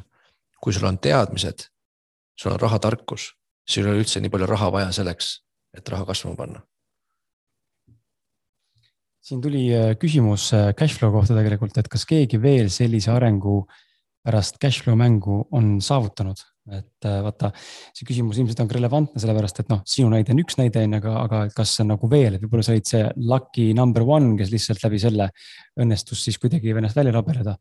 Ähm, enne kui sa selle vastad, siis ma saan ise nii palju öelda, et kui ma käisin sinu sellel intensiivkursusel on ju, kus mängiti ka cashflow'd uuesti, siis ma esimest korda nagu sain aru sellest, et äh, mängides siis oma tänase seisuga mängisime sellist mängu siis, kus ma mängin reaalselt oma, oma nii-öelda nagu rahalise seisuga täna. ja ma nägin, et äh, on võimalik välja tulla äh, ka sellest seisust, kus sissevool või siis väljavool iga kuu on miinus viissada või kuussada eurot piltlikult öeldes. aga see oli läbi laenude ehk siis ma saan aru, et laen ei pea olema halb ja laenu tegelikult tuleb osata kasutada, tegelikult on võimalik välja saada, aga noh, reaalselt ma täna niimoodi riskida või selles mõttes niimoodi teha ei julge, on ju. ja ei oska ka võib-olla, aga mängus nagu nägin ära, et tegelikult see on võimalik noh, ütleme, see mäng jah lihtsustab, eks ju, et ma arvan, et see, see, see, see Cashflow mäng on üks kõige paremaid päriselu simulaatoreid ja, ja see on suurepärane ka õpetamisvahend. ja kui me kunagi Robert Kiyosaki tiimis olime, siis me tegelikult käisime ka erinevates riikides äh, seda Cashflow mängu kui, kui õppevahendiga nii-öelda siis sedasama nii-öelda mõtteviisi inimestele õpetamas, kuni tänase päevani me kasutame siis seda mängu oma koolituste tegemisel ja me mängimegi siukseid nagu eriversioone, eks ju, et see ei ole lihtsalt see, et mängime koos lauamängu. eesmärk ei ole lihtsalt nagu lauamängu mängida, vaid eesmärk on saada mängureeglid selgeks ja minna päris ellu ja mängida sama cashflow mängu päris elus ja see on see, mida me siseringis täna teeme. me tegime siukse keskkonna, kus me siis äh, äh, nii-öelda koondame siis kokku inimesed, kes on sellise baas äh, rahatarkuse ja teadmised saanud ja siis siseringis me teeme päriselu tehinguid ja siis jagame kogemusi, aga meil on kõigil sama keel ja oskus olemas me saame aru, mis on vara, mis on kohustus, mis on hea laen, mis on halb laen. ja see võimaldab meil ka päriselus koos seda mängu äh, palju paremini mängida. nii, aga su küsimus oli äh,, see tuli kuidagi Cashflow mängust. ja, et kas keegi on veel äh,. Ah, päriselus välja saanud? jah, midagi sellist nagu saavutanud tänu sellele mängule siis sellise arengu teinud vaata, ma ei tea, ega kõiki neid lugusid on raske nagu kokku koondada, aga oli äh, tervitused Rolandile, et, et mul on selles mõttes hästi nagu vahva, et ma, ma läksin esimest korda Cashflow'd mängima äh, kahe tuhande kaheksanda aasta augustikuus. ja, ja ma läksin siis äh, lihtsalt internetist leidsin ühe sellise mingisuguse koha, kus seltskond sai lihtsalt mingil päeval kokku, et mängida Cashflow mängu. Läksin sinna kohale istusin siin lauda, ma ei teadnud mitte kedagi, läksin täiesti kontvõõrana sinna ja igas siis selles Cashflow mängu lauas oli neli inimest ja, ja minuga ühes lauas oli Roland Tocco, kes oli ka esimest korda tulnud täpselt sel samal päeval, kui mina sinna läksin. et, äh, et ma olen üsna kindel, et see mõtteviis on ka teda väga palju mõjutanud ja tegelikult ju ta teeb väga ägedat tööd äh, Eestis ka koolitust nagu rindel. et ma arvan, et inimesi on tegelikult ikkagi päris palju, kes on seda ellu viinud, aga, aga noh, võib-olla me ei ole nii-öelda suutnud kõiki neid lugusid kokku koguda, et kes on kuskil saavutanud. et ma usun ka, ka Starfishi nii-öelda intensiivkoolituste tulemuse, siseringi tulemusena on ikkagi päris, päris palju edulugusid, kes on siis täna ettevõtjad, kes investeerivad, kes on finantsiliselt sõltumatud. et see tegelikult töötab, sul on lihtsalt nagu aega vaja ja, ja, kui ma võtan lihtsalt nagu enda näite, eks ju, et see ei ole muidugi mingisugune võrdlusmoment. aga mul läks reaalselt sellest esimesest päevast, kui ma Cashflow mängulaua taha istusin kuni selle hetkeni ma sain öelda, ma olen rahaliselt sõltumatu, ehk siis nii-öelda jõukuse neljandal tasemel, mis me täna Starfishis inimestele õpetame. mul läks aega kolm aastat, aga ma tegelesin sellega põhimõtteliselt iganädalaselt nüüd mõnel võib-olla läheb viis aastat, mõnel läheb võib-olla kümme aastat, see ei ole nagu parem ega halvem, see lihtsalt meil on erinev lähtepunkt, meil on erinev teekond ja, ja üks ei ole parem kui teine, aga, aga sinna on võimalik igalühel jõuda. sul on vaja lihtsalt pühendumust, sul on vaja otsust ja pead aru saama, miks sa seda muutust tahad teha. sest muutused on ikkagi sageli sellised äh, emotsionaalsed muutused, sa pead ikkagi oma elus mingisuguseid äh, muudatusi tegema. sa pead millestki nagu lahti laskma, sa pead midagi nagu asemele võtma et, äh, et mulle hästi meeldib äh, selline, äh, John Maxwell räägib sellisest universumi seadusest nagu ohverdamise seadus. et selleks, et midagi saada, sa pead midagi ohverdama. nüüd sageli on see, et, et inimesed tahavad saada, aga nad ei ole valmis mitte midagi ohverdama. või siis teine näide on see, et väga paljud inimesed tahavad saada vabadust, aga selle vabaduse mündi teine külg on vastutus. ehk siis ma vabadust tahan, aga ma ei ole valmis vastutust võtma, siis sa ei saa seda vabadust et, et, et sa pead nagu aru saama, et kuidas see, kuidas see mäng selles mõttes käib. ja, ja sa ei saa nagu valida, kui sa valid, siis valid mõlemad, kui sa, kui sa tahad edasi liikuda, sa pead ohverdama mingeid asju, sa ei saa lihtsalt nii-öelda mugavalt kulgeda. võib-olla isegi saad, aga see võtab oluliselt pikemat aega. nii et äh, nüüd olles selle tee mingile maale nagu läbi käinud, siis ma ütleks ka seda, et, et äh, ma ei tea, mitu aastat see oleks sinu jaoks väärt, et selline muutus tekitada, et sa ei pea mitte kunagi elu lõpuni rohkem raha pärast tööd tegema kas kolm aastat on seda väärt, kas viis aastat on seda väärt või kümme aastat on seda väärt, võib-olla mõni ütleb, et okei okay,, viis aastat on, aga kümme aastat ei ole. nii et noh, igalühel on see valik erinev ja, ja see, kui kaugele me sellega teekonnal läheme, on samamoodi valik, kõik ei pea saama rahaliselt sõltumatuks, mõni tahab lihtsalt, et tal on heaolu rohkem, kui tal oli. Äh, ma ei tea, viis aastat tagasi ja see on täiesti piisav. nii et, äh, et selles mõttes äh, igaüks valib oma tee ise ja, ja ka see pühendumus on ikkagi väga erinev inimeste puhul sa mainisid äh, Roland Tokot, nii et äh, sina, hea kuulaja, kui on huvi, siis tea, et kakskümmend seitse aprill kell seitse on meil Roland Toko ka siin rääkimas enda rahalise, ütleme siis äh, rahalise sõltumatuse suunas liikumisest just nagu koolitajana ja ürituste korraldajana, nii et oled väga oodatud kuulama. milline on, Vallo, olnud sinu elu parim või elu parimad mõned üksikud nõuanded, mida on sulle äh, elu jooksul kellegi poolt antud või, või, või mida sa oled nagu saanud rahalise sõltumatuse ja raha enda kohta, mis sul tänaseni on midagi väga muutnud sinus või on mingi aeg sinuga kaasa käinud mm? -hmm. no ma arvan, seesama, sama nii-öelda see müüt, mis ma sulle just välja tõin, tegelikult on ennast ka väga, väga palju kõnetanud, et see, et mul ei ole vaja raha selleks, et raha teha. mul on vaja nagu teistsugust nagu mõtlemist saada. ja ja, ja võib-olla teine mõte, mis mul kuidagi nagu hästi puudutas, oli üks selline mõte, et, et ainult laisad inimesed kasutavad oma raha. ja nüüd on see, et, et me saame kasutada oma raha, aga me saame kasutada ka teiste inimeste raha ja nüüd on see, et, et kõige lihtsam viis on lihtsalt nii-öelda see raha välja käia. nüüd pingutust nõudvam ja palju loovam tegevus on see, et okei okay,, kuidas ma saaksin nii-öelda kasutada teiste inimeste raha või kuidas me saaksime seda väärtust vahetada niimoodi, et mina ei pea oma raha üldse välja käima okei okay,, mingitel juhtudel see töötab, mingitel juhtudel mitte, aga just seesama mõte, et okei okay,, kui ma kasutan oma raha, järelikult ma olen laisk, järelikult ma ei viitsi mõelda muud varianti.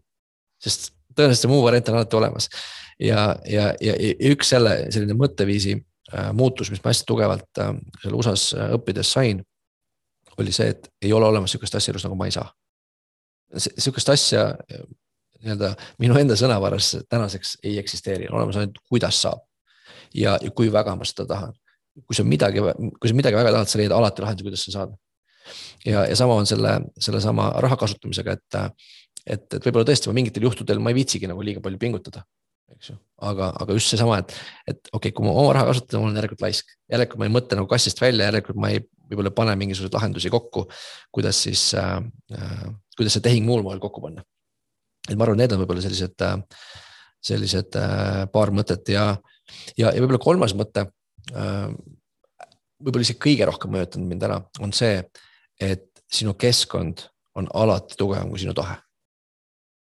Ehk siis sa võid ükskõik mida oma elus tahta, kui sa ümbritsed ennast inimestega, kes teevad siin, teevad seda mõtet maha või tõmbavad alla, ütlevad seda, et see on liiga riskantne. ma just sedasama asja tegin, ma kaotasin kogu oma raha, ära sina seda tee. siis kui sul on ümber inimesed, kes hoiavad sind tagasi, siis see on nagu kõige suurem mõjutaja. mis kõige suurem väljakutse sellega on see, et äh, me arvame, et me ei saa mingisuguseid suhteid valida. Ja, ja, ja kõige toksilisem võib olla mingisugused lähisuhted, eks ju, meie perega, meie sõpradega äh,. ma ei tea, minu poolest kasvõi sugulastega, kes justkui on nagu meie ellu nagu pandud ja meile tundub, et me ei saa nagu seda muuta. aga kui see on toksiline suhe, mis tõmbab mind alla või ei lase mul nagu kasvada, siis ma, see on tegelikult mu valik, ma, ma ise olen valinud selles, sellises toksilises suhtes nagu olla ja, ja mis nagu hästi muutus, äh, kui ma sedasama Cashflow klubis ise äh, läbi vedasin, siis mulle hullult meeldis seltskond, kes sinna kokku tuli. Need ei ole juhuslikud inimesed, need on inimesed, kes on valmis nagu väga suuri muutusi oma elus tegema.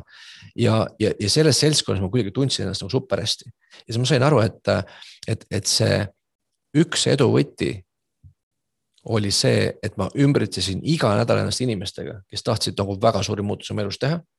ja, ja mis on võib-olla selle nagu õpetamise Äh, võib-olla kõige suurem väärtus on see see on jällegi see, et, et ma annan, aga ma saan palju rohkem tagasi. ehk siis ütleme nii, et kui ma õpetan, siis jah, ma valmistun ise ette ja ma tänu sellele nii-öelda õpin asju rohkem, aga ma saan tagasi kõikide inimeste mõtted ja arvamused, kes on seal ruumis. ehk siis see õpetaja õpib alati ruumis kõige rohkem. jällegi annad, sul tuleb see ringiga tagasi, eks ju. nii et, ähm, et, et jah, need, see, see keskkonna nagu tähtsus ja siis kui me nii-öelda ühel hetkel äh, hakkasime Starfishi nii-öelda looma, siis ma sain aru seda, et, et Starfishi kõige tähtsam funktsioon on luua keskkond, luua nii-öelda selline keskkond või kogukond, kus on inimesed, kes seda muutust selgelt tahavad, kes on mingisugused nagu baasteadmised kätte saanud ja, ja kes siis tahavad seda nii-öelda rahamängu päriselus mängida ja üksteist toetada, üksteise inspiratsiooniks olla. Ja sealt tekkiski see mõte, et, et me loome sihukese koha nagu sisering et seal peab olema väga selge filter vahel, sinna ei saa nagu kõik inimesed tulla, aga kui sa oled sealmaal, et, et sa, sul on mingisugune rahapuhver loodud, sul on mingisugune kapital tekitatud, sul on võib-olla loodud juriidiline keha. ütleme noh, väga paljud inimesed ei jõua isegi nende sammudeni. nüüd, kui sul need sammud on tehtud ja, ja sul on jätkuvalt see tahe nii-öelda sellist rahalist sõltumatust elus saavutada, siis sa oled nagu nii-öelda potentsiaalne kandidaat äh, tulemaks siseringi. ja, ja nüüd siseringis me siis juba saame sellise teatud nagu võib-olla ettevõtlikuma, keskmisest ettevõtlikumate inimestega koos mõelda, kuidas seda rahamängu igaüks oma elus saab võita, olla üksteisele inspiratsiooniks, olla üksteisele toeks ja tänu sellele kiirendada õppimisteekonda nii et, et see, mis me täna tegelikult teeme, on see, et, et jah, me, ma ei tea, pakume erinevaid koolitusi, kuidas seda baasteadmist saada, aga see põhiline funktsioon nii minu enda jaoks kui ka siseringi liikmete jaoks on see, et meil tuleks veel niisuguseid ägedaid inimesi, kes tahavad seda muutust teha ja me saame üksteisele abiks olla. Ja, ja võib-olla siin ongi praegu paslik öelda, kes, kes kuulavad, on see, et, et meil on kolmandal mail, me teeme niisuguse asja nagu külaliste päev. me teeme online'i niisuguse siseringi külaliste päeva, kus me räägime siis lahti, mis me seal teeme, mis on see väärtus osalejatele ja kui keegi on oma elus sealmaal, et, et tal on võib-olla sellised nagu baasvajadused lahendatud, tal on nii-öelda soov investeerida olemas, ta võib-olla täpselt äh, ei tea veel, kuhu investeerida siis see on täpselt see inimene, kes võiks sinna tulla kuulama ja võib-olla ühel hetkel saab ka sellest keskkonnast kasu. nii et keskkond on tugevam kui tahe. See siseringi, seesama päevakese nii-öelda siis äh, veebi, veebikoolituse või kuidas ta on, tutvustuse nii-öelda. külaliste päev. külaliste päeva lingi ma panen meie kõikidesse nendesse äh, kirjeldustesse ka ja tõenäoliselt tuleb sulle ka meilile see meilis olevasse link sisse, nii et siis saad nagu jälgida. tuli küsimus siit, öeldakse, et kõik munad ei tohiks olla ühes korvis, millised võiksid need korvid olla? Äh, ilmselt ta mõtleb äh, investeerimist või? investeerimisalase, ma arvan, et ta mõtleb jah, kas siis vara, varaklasse, eel, eeldame varaklasse või kirjutada, kas jaa ja,, varaklassid. ja selles mõttes hea, see on hästi hea küsimus. Ähm, üks selliseid äh, teemasid, mis me ka oma kursustel inimestega arutame, on sihuke dilemma nagu hajutamine versus fokusseerimine. ja ja mis on need dilemmad võib-olla see, see väljakutse on see, et eh, kui ma nagu ühe valin, siis ma olen juba midagi kaotanud. kunagi ma käisin, eh, keegi õpetas mulle sellise huvitava printsiibi, et, et, eh, et meil on elus kogu aeg dilemmasid, eks ju. kas teha seda või seda teha seda teist. ma ei tea, kas olla, olla vaba või olla suhtes, eks ju, noh. ja, ja nüüd on see, et mõlemal valikul, see, et just see dilemma üldse tekib, on see, et mõlemas valikus on midagi, mis on väärtuslik ja nüüd ainuke viis seda olukorda nagu positiivselt lahendada on see, et sa proovid kombineerida mõlema parimad osad omavahel kokku sest kui sa ühe valid, siis sa loobud kindlasti millestki, mis oli sinu jaoks väga oluline, aga sa tegid mingi kompromissi ja sa lihtsalt nagu andsid selle nagu ära.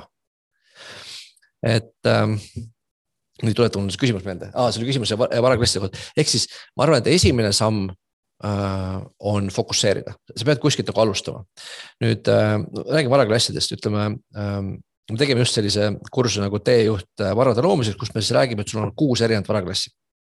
äri, kinnisvara pabervarad, äh, krüptovarad, äh, väärismetallid või, või toorained ja intellektuaalne omand.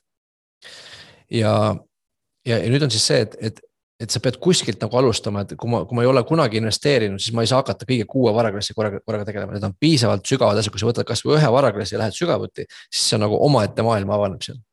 Ja, ja kui, kui ma seda Cashflow mängu kunagi esimest korda mängisin või ütleme siis mõnda aega olin mänginud, siis ma sain aru sellest, et okei okay,, ma pean tegema mingi valiku, millisest varaklassist mina alustan. ja, ja see igaühe kombinatsioon on täiesti erinev. Ja ma tegin teadliku valiku, et mind kõige rohkem huvitab äri. Äh, mind paelub ka kinnisvara, aga ütleme nii, et äri on number üks, kinnisvara pigem number kaks. nüüd mõnel oli vastupidi, mõnel oli see, et, et ma ei tea, pabervarad olid number üks. Äh, äriga ei tahtnud üldse tegeleda, eks ju ja kinnisvaraga ei huvitanud, eks. et igalühel see kombo oli erinev. ja, ja kui ma tegin selle esimese valiku ära ja ütlesin, see on äri, siis ma läksin sellesse ärisse sisse ja vaatasin, okei okay,, mis, mis valikud mul äri sees on. et ma hakkasin ikkagi nagu fokusseeritult ühest asjast pihta. ja, ja, ja üks õppetund on ka see, et, et mis tähendab focus, eks ju, focus on follow one course until successful ehk siis järgi ühte teed senikaua, kuni saavutad edu, et sa ei saa hakata ennast nagu kohe hajutama. nüüd, kui sa saavutad edu selles ühes varaklassis ja sul hakkab tekkima sealt nagu kapital, mida investeerida, siis sa hakkad võib-olla aja jooksul hakkad siis seda hajutama. Warren Buffett ütles kunagi sihukese lause, et, et hajutamine on inimestele, kes ei tea, mida nad tahavad teha. Ehk siis sa ikkagi, sa alustad fokusseerimisest, aga mingil hetkel on, on loomulikult see, et sa võib-olla nüüd seda kapitali, mis sealt tekib, eks ju, ongi investeeridki kinnisvarasse, on ju, võib-olla paned mingisuguse raha, paned äh, väärismetallidesse, eks ju Äh, võib-olla paned mingisuguse äh, väikse seemne, paned kuskile krüptovaradesse nagu spekulatiivselt, eks ju, et, et sa, et sa hakkad seda vähemalt see, kuidas mina mõtlen, eks ju, et ma hakkan pigem hajutama mingi aja pärast, kus ma, kui ma olen mingis varaklassis nii-öelda edu saavutanud. kas see võiks olla mitte siis hajutamise, vaid äkki laiendamise termin või? Laiendan enda portfelli teistesse varaklassidesse. jah, põhimõtteliselt küll, et on ikkagi nagu. point jääb samaks mõttes, aga. jah, et, et on selles mõttes küll, et vaata, kuna, kuna majandus ju käib ka nagu tsüklitega, eks ju ja mm., ja, ja, ja sageli on siis need, et mingisugused äh, varaklassid kasvavad ja mingid asjad nagu kukuvad ja selles mõttes võib-olla pikas perspektiivis ongi nagu hea, et sul on natuke see asi nagu äh, nii-öelda hajutatud või, või, või, või laiali jaotatud. aga sa pead kuskilt nagu alustama ja, ja kui sa võtad nüüd korraga mingisugune kolm-neli asja, noh siis sa tegelikult ei, ilmselt ei suuda üheski nagu sügavuti minna et see aeg on ikkagi piiratud ressurss ja iga see valdkond on nagu täiesti omaette maailm, et sa pead väga targalt ikkagi otsustama, kust alustada. ja, ja võib-olla äh, mis võib-olla mind ennast ka aitas, oli see, et ma ühel hetkel tegin ka valiku, okei okay,, need on need varaklassid, millesse ma tahan minna ja need on need, millest ma kindlasti ei taha praegu minna. et see, see teeb nagu selle otsustamise nagu lihtsamaks ja nüüd see ei tähenda seda, et see, millest ma ei tahtnud alustada, ei võiks mingil hetkel nagu tulla. aga, aga ma olen juba need võib-olla üks või kaks varaklassi piisavalt selgeks teinud ja, ja nüüd on mul aega ja võimalust ja soovi võib-olla õppida mingi uus varaklass selgeks. siin äh, tuli sihuke huvitav küsimus, et äh, mis on edu ja küsimuse täpsustus on siis see, et kas finantsvabadus või enda eesmärgi täitmine? no ideaalis äh, finantsvabadus võikski olla enda eesmärgi täitmine ma arvan, edu on väga-väga erinev, et ma, ma kindlasti ei ole nagu seal, et, et ma arvan, et, et edu on seotud ainult mingi materiaalse heaoluga. et, et ma ise usun väga sellisesse nagu äh, Äh, enesearengusse, kasvamisse, oma sisemaailma nagu muutmisse ja. ja, ja see, kui kaugele keegi tahab selles materiaalses äh, maailmas nagu jõuda, see on väga erinev, see sõltub sellest, et, et millist elustiili ma tahan elada, mõni on väga valmis elama askeetlikku elustiili. ja ma ei pane seda kuidagi nagu pahaks, et, et siin ei saa nagu seda kuidagi hinnata, et see on, kuidas kellelegi äh, parasjagu meeldib aga, aga ma arvan, edu on ikkagi see, kui sa, kui sa suudad leida sellise harmoonia oma igapäevaelus.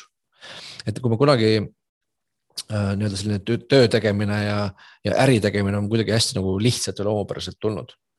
aga elus on ju tegelikult väga olulisi valdkondi veel ja, ja ma sain aru sellest, et kui ma keskendun liiga palju nagu, nagu ärile ja tööle, siis mingid teised eluvaldkonnad mu elus hakkavad kannatama ja, ja kui me Starfish'i tegime, kes on seda nii-öelda meie seda logo näinud, eks ju, see, see koosneb nagu viiest nurgast ja see igal nurgal on tähendus. Need jalad, mis seal all on ah,, siinsamas on näha, kes on äh, laivis. Need alumised jalad, eks ju, on sisemaailm ja tervis, see on see, mille peal me püsti seisame, eks ju, et sul peab olema füüsiline tervis korras. Äh, ja, ja sul peab olema see vaimne tervis korras nüüd, kui need jalad on nagu püsti, siis need käed, eks ju, mis on külje peal, on siis ühel pool on raha ja teisel pool on töö see töö tähendab ka eneseteostust ideaalis, eks ju, et sa mitte lihtsalt ei tee tööd, vaid sa pigem teostad ennast läbi selle tegevuse, mis iganes see tegevus on, see võib olla ka su hobi, millega sa tegeled, aga sa nagu saad selle naudingu.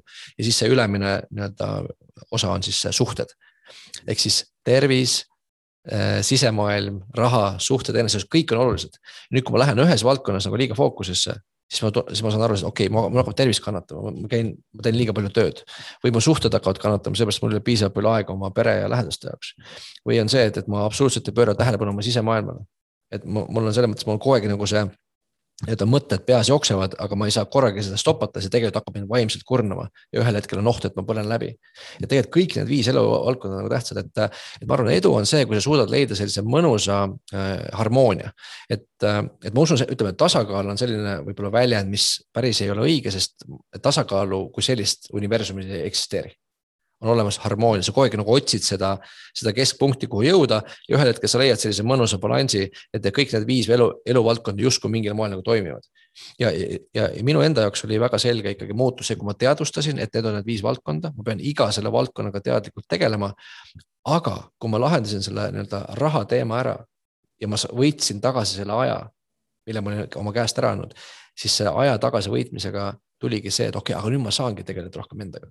ma saangi rohkem sisemaailmale pühenduda, ma saangi rohkem tervisele mõelda, ma saangi rohkem oma suhetele aega panna ja ma saan teha tegevusi, mida ma tegelikult naudin.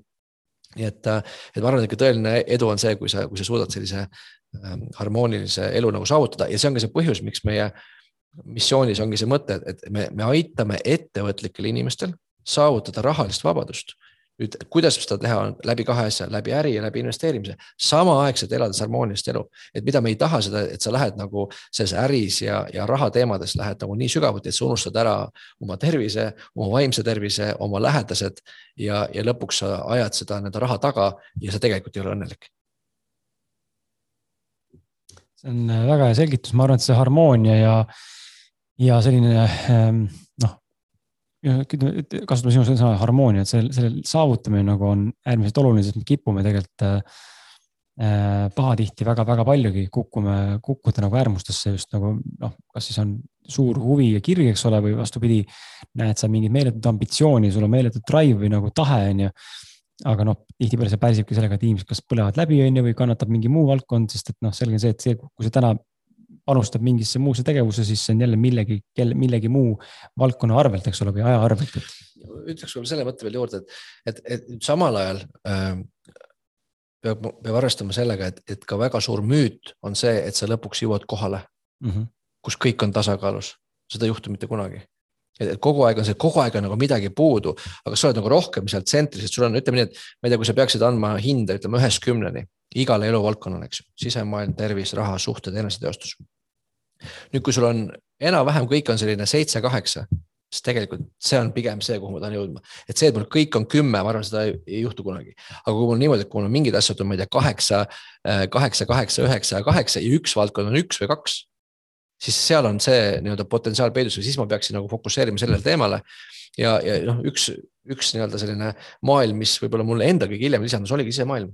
Et ma sain aru sellest, et jah, ma pean nagu aega maha võtma, jah, ma pean sisemaailmaga tegelema, jah, ma võiksin tegeleda meditatsiooniga, jah, ma võiksin käia joogas, aga ma kuidagi ei jõudnud selleni. Ja ühel hetkel, kui see nii-öelda aeg sai enda ellu nagu tagasi võidetud, siis ma hakkasin väga teadlikult sellega tegelema.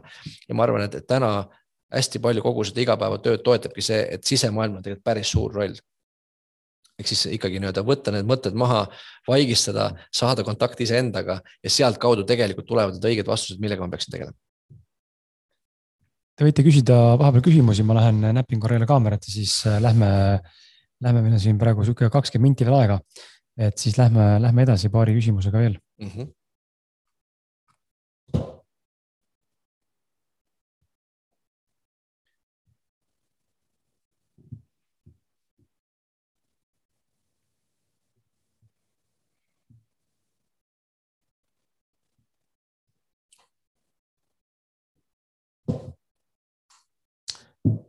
Sa oled maininud siin juba täna paar korda äh, krüptot ja, ja ma hea meelega toon selle sisse ka, kuigi meil paar episoodi tagasi äh, krüptoekspert Asse Sauga siis tegelikult äh, sellest ka rääkis ja meil on tulemas ka nüüd äh, kahekümne kolmandal aprillil on tulemas Daniel Raisser, kes tegelikult on krüptokaupleja, päris edukas olnud, äh, elanud ikkagi väga luksuslikku elu tänu kauplemistulemusena.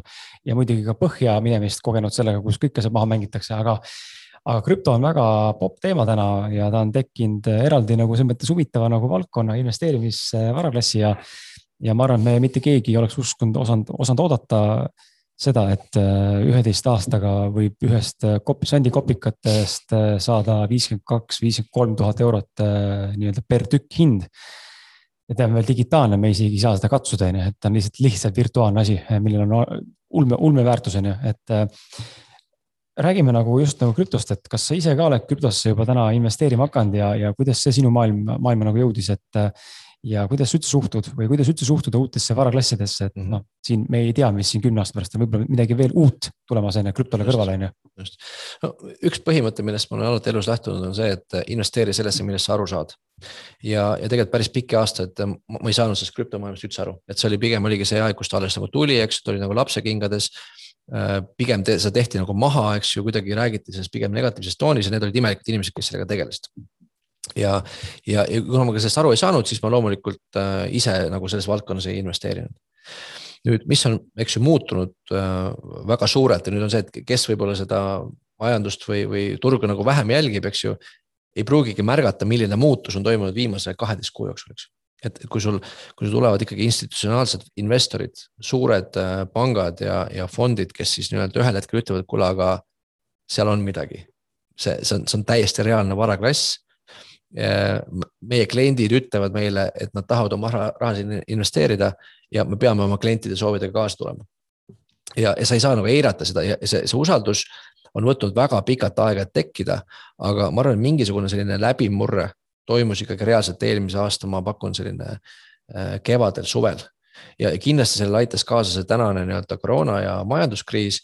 Äh, kuna siis seda valuutat hakata järjest nagu rohkem juurde trükkima ja ühel hetkel inimesed said aru, aga, aga võib-olla mul on võimalik nagu ennast kaitsta selle valuuta odavanemise vastu, kui ma hoian endale mingit digitaalset vara ja, ja sellel on potentsiaal kasvada.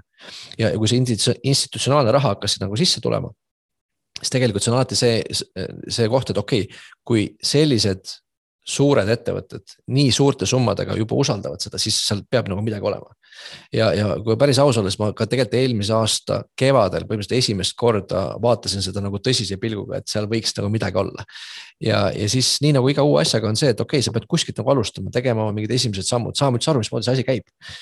ja, ja see oligi sellest, et sa nii-öelda ma ei tea, kandsid esimese, esimese raha kuskile sinna kauplemisplatvormile ja sa ostsid oma esimese Äh, ühiku ära ja mõtlesid, okei okay,, kus ma siis hoiustama hakkan, eks ju, teed oma esimese rahakoti, et noh, et sa lihtsalt reaalselt proovidki läbi, mismoodi see maailm nagu töötab.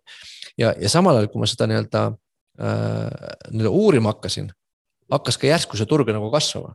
nii et selles mõttes äh, on selline väga-väga põnev ähm,.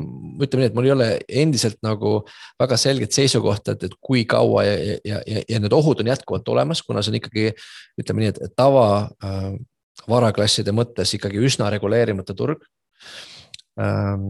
eriti veel arvestades seda, et, et, et siin on nüüd erinevatel kõik, ütleme, mis kuuekümne riigi keskpangad tegelevad praegult äh, digitaalse raha loomisega.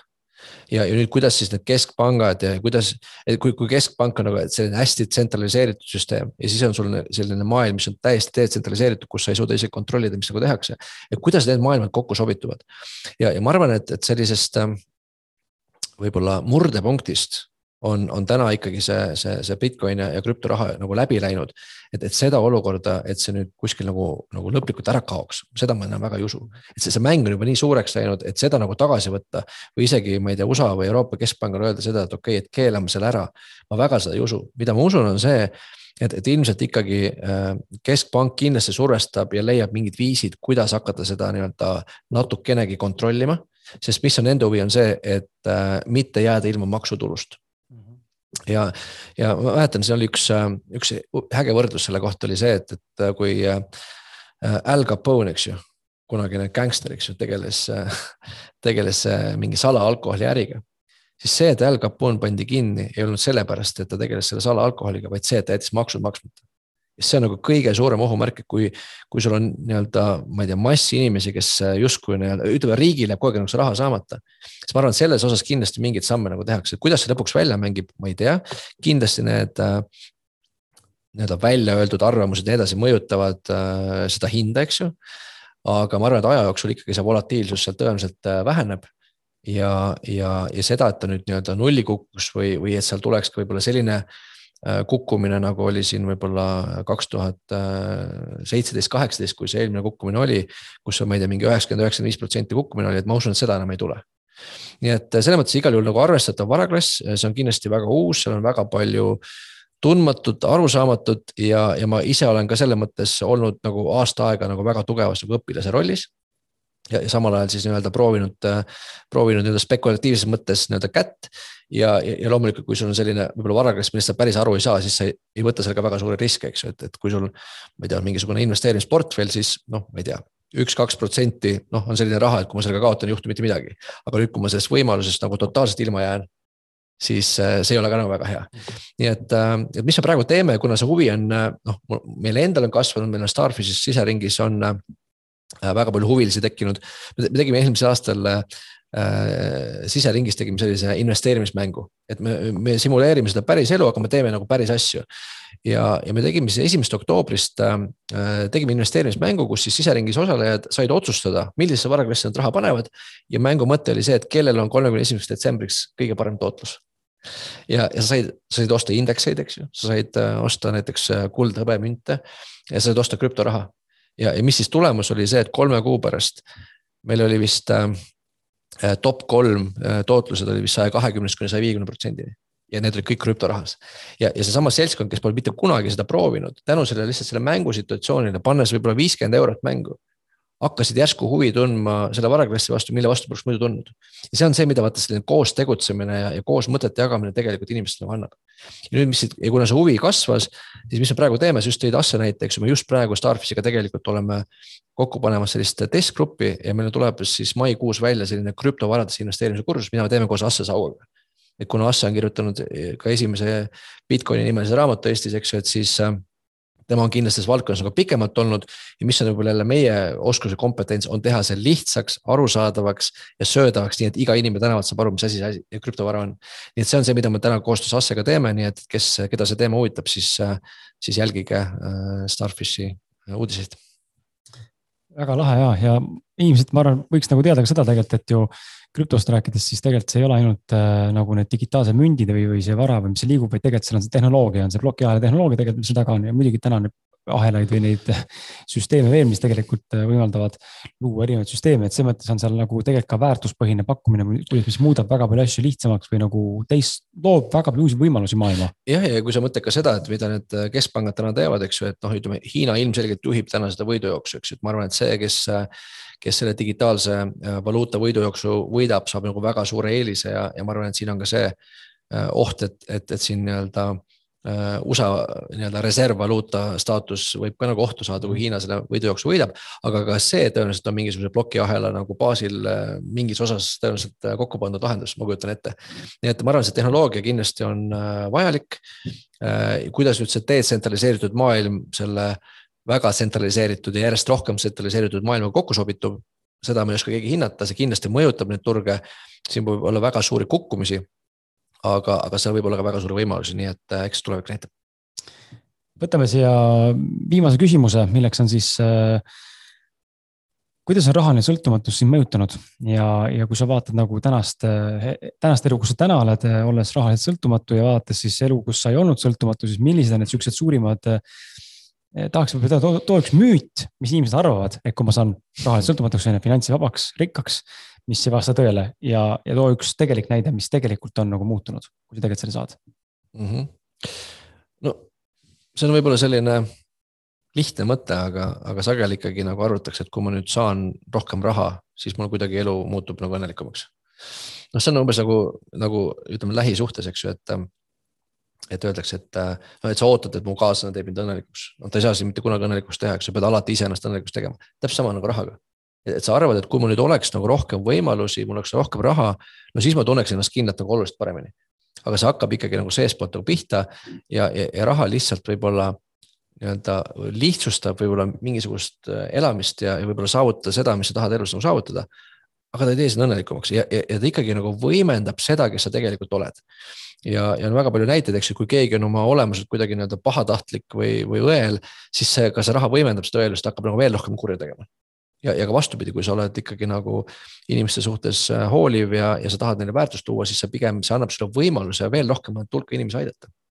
nii et selles mõttes ta igal juhul võimendab seda, äh, seda, kes sa oled ja, ja noh, eks see annab sulle ikkagi nagu valikuvabaduse, et ma arvan, et see minu jaoks raha ikkagi võrdub nagu vabadus selles mõttes, et ta annab sulle valikuvabaduse, otsustusvabaduse ja juba see, et et, et ma saan täna teha iga päev neid asju, mida ma tahan teha, see on nagu väga suur väärtus minu jaoks. et, äh, et, et nüüd on see, kui, kui, kui, kui palju sa oleks valmis maksma selle eest, et sa saaksid äh, iga päev tõusta üles, teha asju, mida sa täiega naudid, eks ju. et sa, sa ei, sa ei saa sellele nagu rahanumbrit panna. aga, aga ma arvan just see, et, et kelle jaoks see vabadus on nagu äh, rohkem tähtis, kelle vähem tähtis ja, ja kui ma kunagi panin kirja siukseid nii-öelda isiklikke väärtusi elus, siis see vabadus oli üks nagu väga olulisi väärtusi. et, et mis me oleme nagu ka märganud, et võib-olla inimesed, kes väärtustavad vabadust, kes väärtustavad võib-olla sellist nagu ettevõtlikkust ja tegutsemist, eks ju. kes äh, väärtustavad koostööd ehk siis nii-öelda mitte üksinda tegemist, vaid koos tegemist, kes tahavad ise kasvada ja areneda. ja kes on valmis võtma vastutust, et need on nagu need põhiväärtused, mis üldjuhul on nagu eelduslikud selleks, et sa tahaksid võib-olla rohkem seda rahalist sõltumatust ka saavutada. ja kui need väärtused kõnetavad, siis, siis see ongi see võib-olla tee, mida on vaja jalge alla võtta väga hea, äh, aitäh sulle, Vallo. ma hakkasin äh, pikalt siis äh, aega raiskama, sest et tundub, et lisaküsimusi ei tulnud ja ja väga lahe, väga põnev vestlus, kuigi ma olen sinuga istunud maha, maas tähendab juba noh, eelnevalt siis viis korda, aga ikkagi iga kord kuuled mingeid mõtteid, mis on jälle nagu teistmoodi ja paneb ennast ka nagu mõtlema ja avardab mingil määral ka minu maailmavaadet ja, ja võib-olla ka muudab mingit tuummustrit või, või ma ei tea, tuumväärtust on ju, mis võiks olla palju positiivsem, palju laiem, palju suurem. Äh, aitäh ka sulle, hea kuulaja-vaataja, et sa meiega siin olid.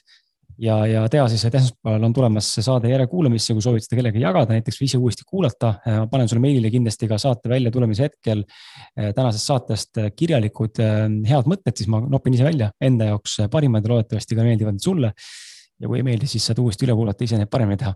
aga, aga ja aitäh sulle ja, ja kohtume sinuga juba kahekümne esimesel aprillil, kus on siis ettevõtluscoach äh, Anne Laun, kes siis räägib ka meile äh, rahalisest äh, sõltumatusest ja mindset'i muutes rikkaks. nii et tšau, aitäh sulle. aitäh, kohtume